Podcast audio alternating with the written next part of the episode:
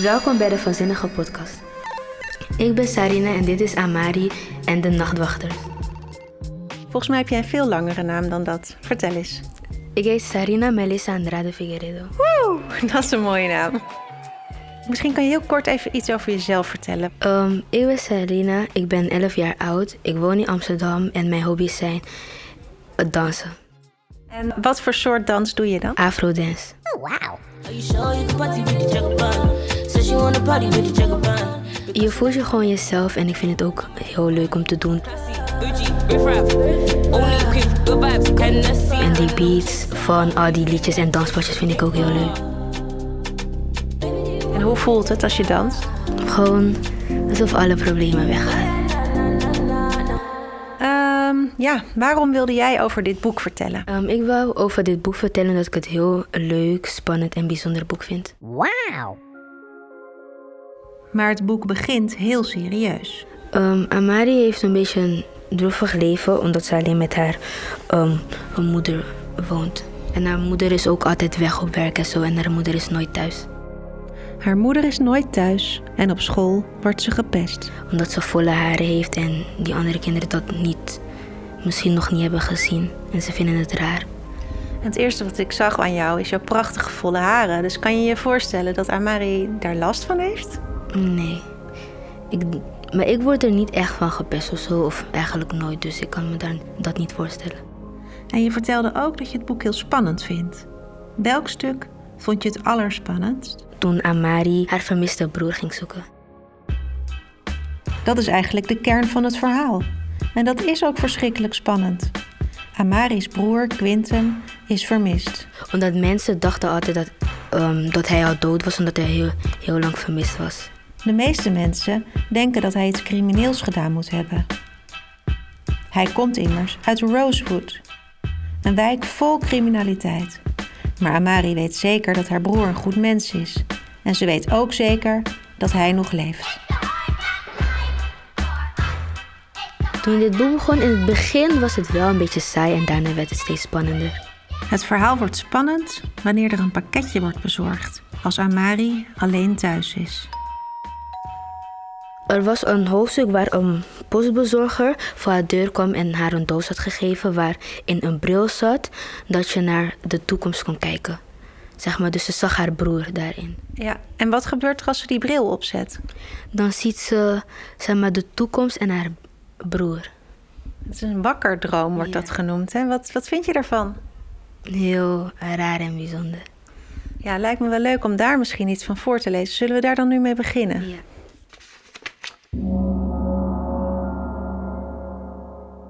Met een ruk draai ik mijn hoofd opzij en ik zie mijn broer midden in mijn slaapkamer staan met een nerveuze grijns op zijn gezicht.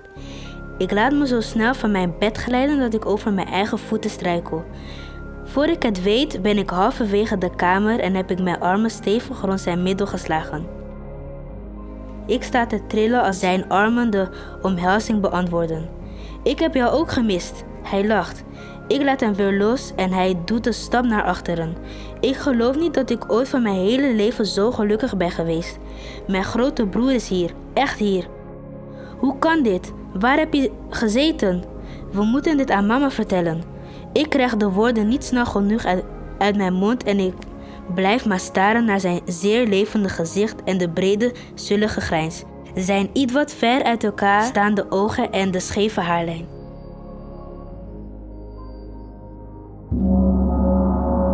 Wat vond je van deze scène? Spannend en grappig. Door deze zinnen hier. Iets wat ver uit elkaar staande ogen en de scheve haarlijn. Wat vind je er grappig aan? De woorden die ze hebben gebruikt. En waarom vind je dat grappig? Uh. Sarina snapt niet dat ik dat niet begrijp. Dus ik doe mijn ogen dicht en Sarina zegt de zin nog een keer. Iets wat ver uit elkaar staande ogen en de scheve haarlijn. En dan zie ik in mijn gedachten inderdaad een heel lief en grappig gezicht.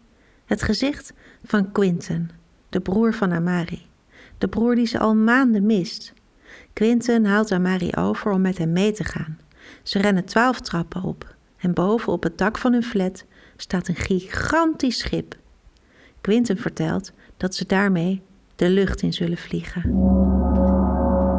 Quinten We vliegen en jij doet alsof dat doodnormaal is? Daar is die grijns weer. Misschien is dat wel zo. Hij pakt het eerste stuurwiel met beide handen vast en het schip glijdt sneller vooruit. Alles om ons heen wordt een waas en de sterren boven ons veranderen in glinsterende strepen. Ik voel de wind in mijn gezicht, maar ook al vliegen we nog zo snel, mijn benen voelen vrij stevig, alsof ik nog vaste grond onder mijn voeten heb. Quinten laat het stuur weer los en het schip komt soepel tot stilstand, midden in de lucht. De geur van zeezout prikt in mijn neus. Overal waar ik kijk zie ik water. Is dit de oceaan? Mijn broer knikt. Kijk maar even door die telescoop daar naast de reling en richt hem omlaag. Vertel me wat je ziet. Omlaag? Wie gebruikt er nou een telescoop om naar beneden te kijken? Toch loop ik er naartoe en ik kijk er doorheen. Ik zie alleen maar water. Blijf kijken. Het is een speciale telescoop, dus het kan zijn dat je ogen een paar tellen nodig hebben om zich aan te passen. Ik knijp mijn ogen iets meer dicht om het beter te zien. Maar er valt niets te zien. En dan ineens. Het verschijnt slechts een seconde en het is weer weg. Een soort witte veeg, alsof er een lichtje over de oceaanbodem schoot. Wat was dat? vraag ik. Blijf kijken en deze keer moet je de stelknop gebruiken. Ik draai aan de knop en het beeld door de telescoop wordt uitvergroot. Nu zie ik dat die witte streep in werkelijkheid een oplichtende trein is die over de zeebodem reist. Nee, fluister ik.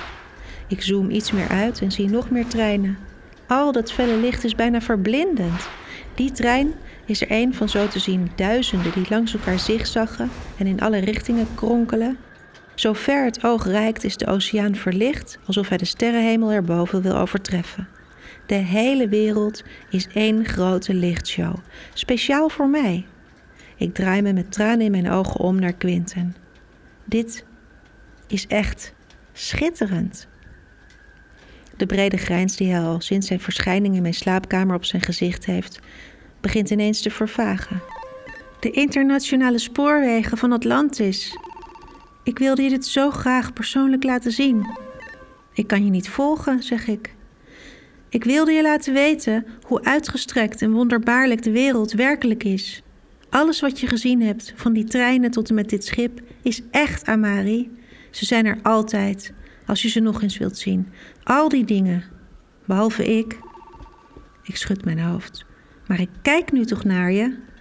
Je kijkt door die bril naar een interactieve opname. We noemen het een wakkerdroom. Ik heb instructies achtergelaten dat die bij je afgeleverd moest worden als er iets met mij zou gebeuren. Dus dat zal dan wel zo zijn. Ik heb een gevaarlijke baan aangenomen, waar ik heel gelukkig mee ben en ik wist wat de risico's waren. En toch zou ik willen dat ik nu hier bij jou kon zijn. De wereld om ons heen dimt langzaam. Ik hol naar hem toe en sla mijn armen om hem heen. Wat is er met je gebeurd? Dat weet ik niet, zegt Quinten zacht. Maar deze droom zou pas naar jou worden verzonden als het bureau officieel heeft beslist dat ik vermist ben. Of dood.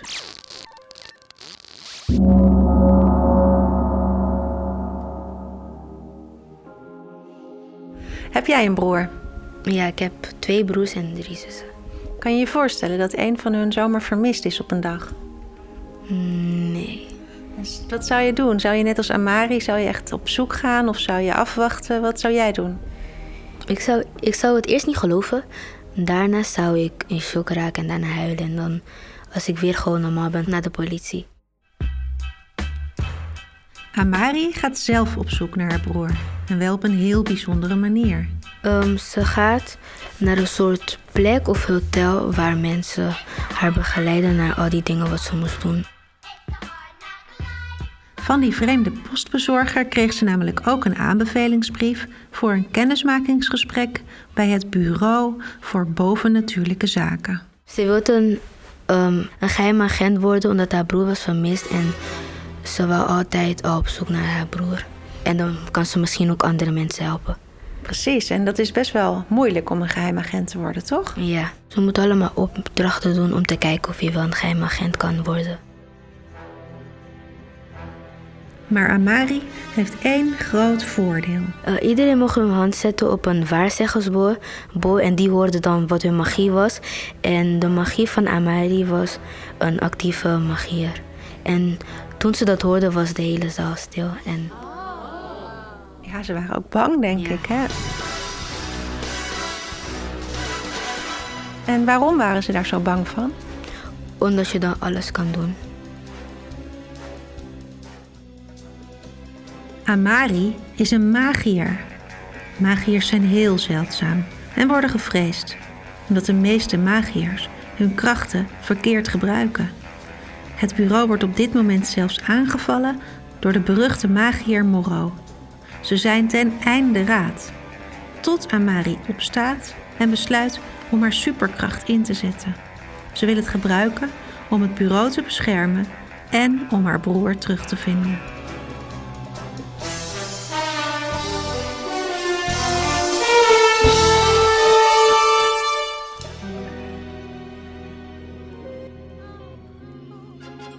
Zijn er nog mensen die voor jou echt een superheld zijn? Mijn moeder. Omdat ze is heel lief en ze leert me ook goede dingen. We doen allemaal leuke dingen. Bijvoorbeeld we gaan shoppen, we gaan naar plekken en ze zorgt ook heel goed voor me. En ze is ook lief. Soms kan ze wel streng zijn, maar dat hoort het voor haar ouder.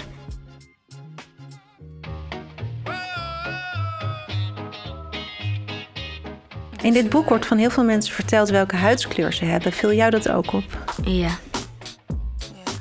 Um, ik vind het eigenlijk wel goed. Omdat sommige mensen discrimineren heel veel mensen om hun huidskleur, maar elke huidskleur is hetzelfde. Huh? Niet, gewoon iedereen is hetzelfde. En vind jij het belangrijk dat Amari eruit ziet zoals jij? Ja. En waarom is dat fijn? Omdat dan kunnen mensen ook verschillende soort dingen, dingen zien. Want in de meeste boeken heb je altijd lichtgetinte mensen. Terwijl Sarina het echt wel fijn vindt om te lezen over een meisje dat qua uiterlijk op haar lijkt. Omdat zo kan je zeg maar ook meeleven in dat boek en zo. Dan kan je meer meevoelen. Ja, dat zei je eigenlijk al. Duh. Wil je nog iets zeggen? Ben ik iets vergeten? Zeg je er was iets in het boek wat ik nog wilde zeggen? Um, nee.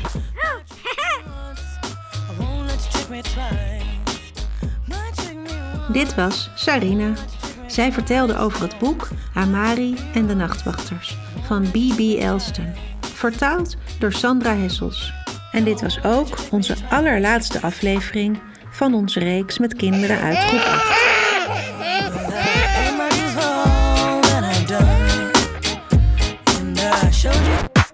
Maar we zijn nog niet uitgepodcast. Deze zomervakantie bellen we kinderen op voor hun anti-leesdip-tip. Wil je weten wat dat is?